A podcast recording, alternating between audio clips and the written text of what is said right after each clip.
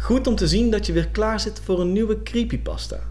Hier op de Ramawaar podcast. Dit is de plek waar ik al mijn YouTube video's upload, zodat je ze kunt luisteren zonder dat je een scherm nodig hebt. Je kan mijn stream supporten door te abonneren op Ramawaar op YouTube en door mij te volgen op Instagram op Marcello1. Veel plezier met deze creepypasta. Het is een verhaal net zo oud als het internet zelf. Je bent verveeld rond aan het browsen op het internet. Gedachteloos aan het scrollen door verschillende afbeeldingen en forums. De ene klik leidt naar de volgende. En voordat je het weet ben je in een duister internetgat gevallen, genaamd de vreemde kant van het internet. Nu ben ik zelf absoluut geen IT-god, maar ik snap wel hoe unlisted websites werken. Dingen die je niet vindt via Google, maar waar je alleen op kunt komen als je een link hebt. Ik browse eigenlijk altijd incognito. Ik zou je de details besparen, maar ik denk dat iedereen wel weet om welke redenen. Gisteravond, of deze morgen, dat ligt eraan hoe je drie uur s'nachts en een gebrek aan slaap noemt, was ik een forum aan het lezen over mensen hun vreemdste ervaringen op het internet. Ik ben zelf altijd behoorlijk sceptisch. Dus wanneer een aantal mensen een vreemde website claimen te hebben gevonden, klik ik er altijd even op om te kijken of hun verhaal wel echt klopt. Op een gegeven moment kwam ik terecht op een website waarvan de link een aantal getallen waren, gevolgd door .org. Het was een kale website, met een forum erop. De titel die bovenaan het forum stond las Hoe was je dag? Ik had alleen nog maar depressieve en vreselijke verhalen gezien op andere websites vannacht. Dus het was een zin die ik verwelkomde. Misschien dat ik door te focussen op andere mensen hun leven ik mijn eigen depressieve bestaan kon vergeten. Ik klikte op de bovenste forumpost. Eenmaal geopend las ik het volgende. Toen ik voor het eerst met pensioen ging, was ik compleet verrast met de hoeveelheid vrije tijd die ik plotseling had. Vandaag was eigenlijk de eerste dag in jaren waarbij ik de luie morgen echt waardeerde. Mijn vrouw maakte mijn favoriete ontbijt en ik was zelfs blij om die middag een dutje te doen. Ik denk dat mijn lichaam gewoon te moe was, want ik werd niet meer wakker. Hoe vertel ik mijn vrouw dat mijn dood niet pijnlijk was en dat ik veel van haar hou? Redelijk verbaasd door de laatste zin las ik de reacties onder het bericht. En daar stonden reacties zoals: We gaan allemaal uiteindelijk dood. Welkom. En als je haar goed behandelde, weet ze dat je van haar hield. Was dit een soort van roleplay forum of zo? De reacties waren een verzameling van verwelkomingen en afgunstige mensen. Ik klikte op het volgende bericht. Eerlijk, ik had altijd meer van mijn leven verwacht. Mijn dag begon al vreselijk, omdat ik in een argument terecht kwam met wat tieners.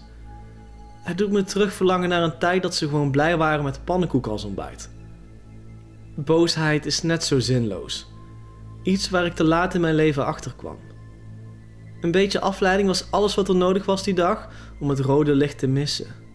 En om eerlijk te zijn, weet ik niet zeker wat er daarna gebeurde. Maar hier zit ik dan. Mijn laatste dag op deze klote planeet. Hij ondertekende zijn bericht met zijn volledige naam en geboortedatum. Het was een redelijk ongewone naam, dus besloot ik hem op te zoeken in een ander tabblad. Toen ik op zijn naam en geboortedatum zocht, was het enige wat ik vond een oud nieuwsartikel uit 2004. Het vreemde was dat het precies beschreef wat die persoon in zijn bericht gezet had. Wat voor een ziek persoon moet je zijn om de identiteit van iemand die omgekomen is in een ongeluk over te nemen? zei ik hardop tegen mezelf. Zowel boos als geïntrigeerd bleef ik verder lezen. Ik kon daar alleen mijn eigen onstopbare nieuwsgierigheid de schuld van geven. Ik weet niet zeker meer hoe lang ik bezig was met het lezen van berichten van mensen die net deden alsof ze overleden waren. Iedereen ondertekende zijn bericht met hun eigen naam en geen enkele reactie onder de berichten trok het in twijfel. De laatste druppel was toen ik een bericht tegenkwam met een bekende naam. Die van mijn eigen moeder. Ze was al meer dan 10 jaar dood. Dus ik weet vrij zeker dat het forum een zieke vorm van roleplay moet zijn. De gebruikers waren waarschijnlijk rouwadvertenties aan het afgaan en aan het gebruiken voor hun eigen plezier. Het werd nog vreemder toen ik las hoe er zeer precies beschreven stond hoe ze was overleden. Dingen die alleen haar nabije familie kon weten. Haar bericht las als volgt. Ik voel me extreem moe de laatste tijd. Het is geen verrassing dat ik deze ochtend wakker werd met het gevoel dat ik heel de nacht weer wakker had gelegen. Ik wilde gewoon in bed blijven, maar de familieverplichtingen riepen. Mijn man was al weg naar zijn werk en iemand moest de kinderen te eten geven. Het ontbijt was prima. Ik gaf ze hun favoriet: pannenkoeken. Makkelijk te maken en ik had verder toch ook maar weinig in huis. Ik herinner me dat ik de douche instapte, maar dat het plotseling erg moeilijk werd om adem te halen. Onder een straal van warm water raakte ik buiten bewustzijn. Ik weet niet echt wat er daarna gebeurde. Oh god, ik hoop dat mijn kinderen mij niet naakt op de vloer hebben gevonden. Ik besloot toen ter plekke dat ik de juiste persoon was om er iets van te zeggen en ervoor te zorgen dat ze stopten met het stelen van andere mensen hun identiteit. Gebruik op zijn minst een verzonnen naam als je het alleen maar voor de kick doet. Ik zocht op de website naar de registreerknop, maar kwam tot de ontdekking dat ik al ingelogd was. Onder mijn eigen naam. Twijfelend drukte ik door op mijn eigen profiel. Iemand had al mijn gegevens al ingevuld. Mijn volledige naam, e-mailadres, verjaardag en de dag waarop ik overleden was. Die dag stond op vandaag. Mijn ogen dwaalden weer af naar de titel van de website. Hoe was je dag? Hoe was mijn dag eigenlijk? Ik ging mijn stappen na. Mijn leven is niet super interessant, dus had ik er nog niet echt over nagedacht. Er was niets interessants gebeurd vandaag. De examens zaten eraan te komen, dus was ik eerder opgestaan dan normaal. Ik dronk koffie, browsde wat op het internet en was bezig met het uitstellen van het daadwerkelijk studeren. Iets langer dan waar ik trots op ben, als ik het eerlijk toegeef.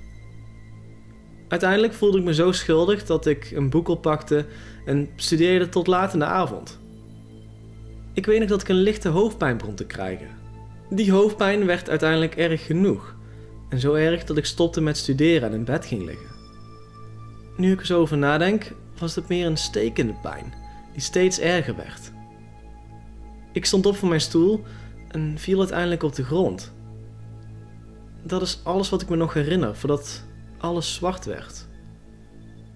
Het is een bijzonder gevoel wat je krijgt als je hart stopt. Maar het is blijkbaar nodig voordat je berichten kan achterlaten op het forum van dode mensen. Het lukte ze om uiteindelijk terug te brengen.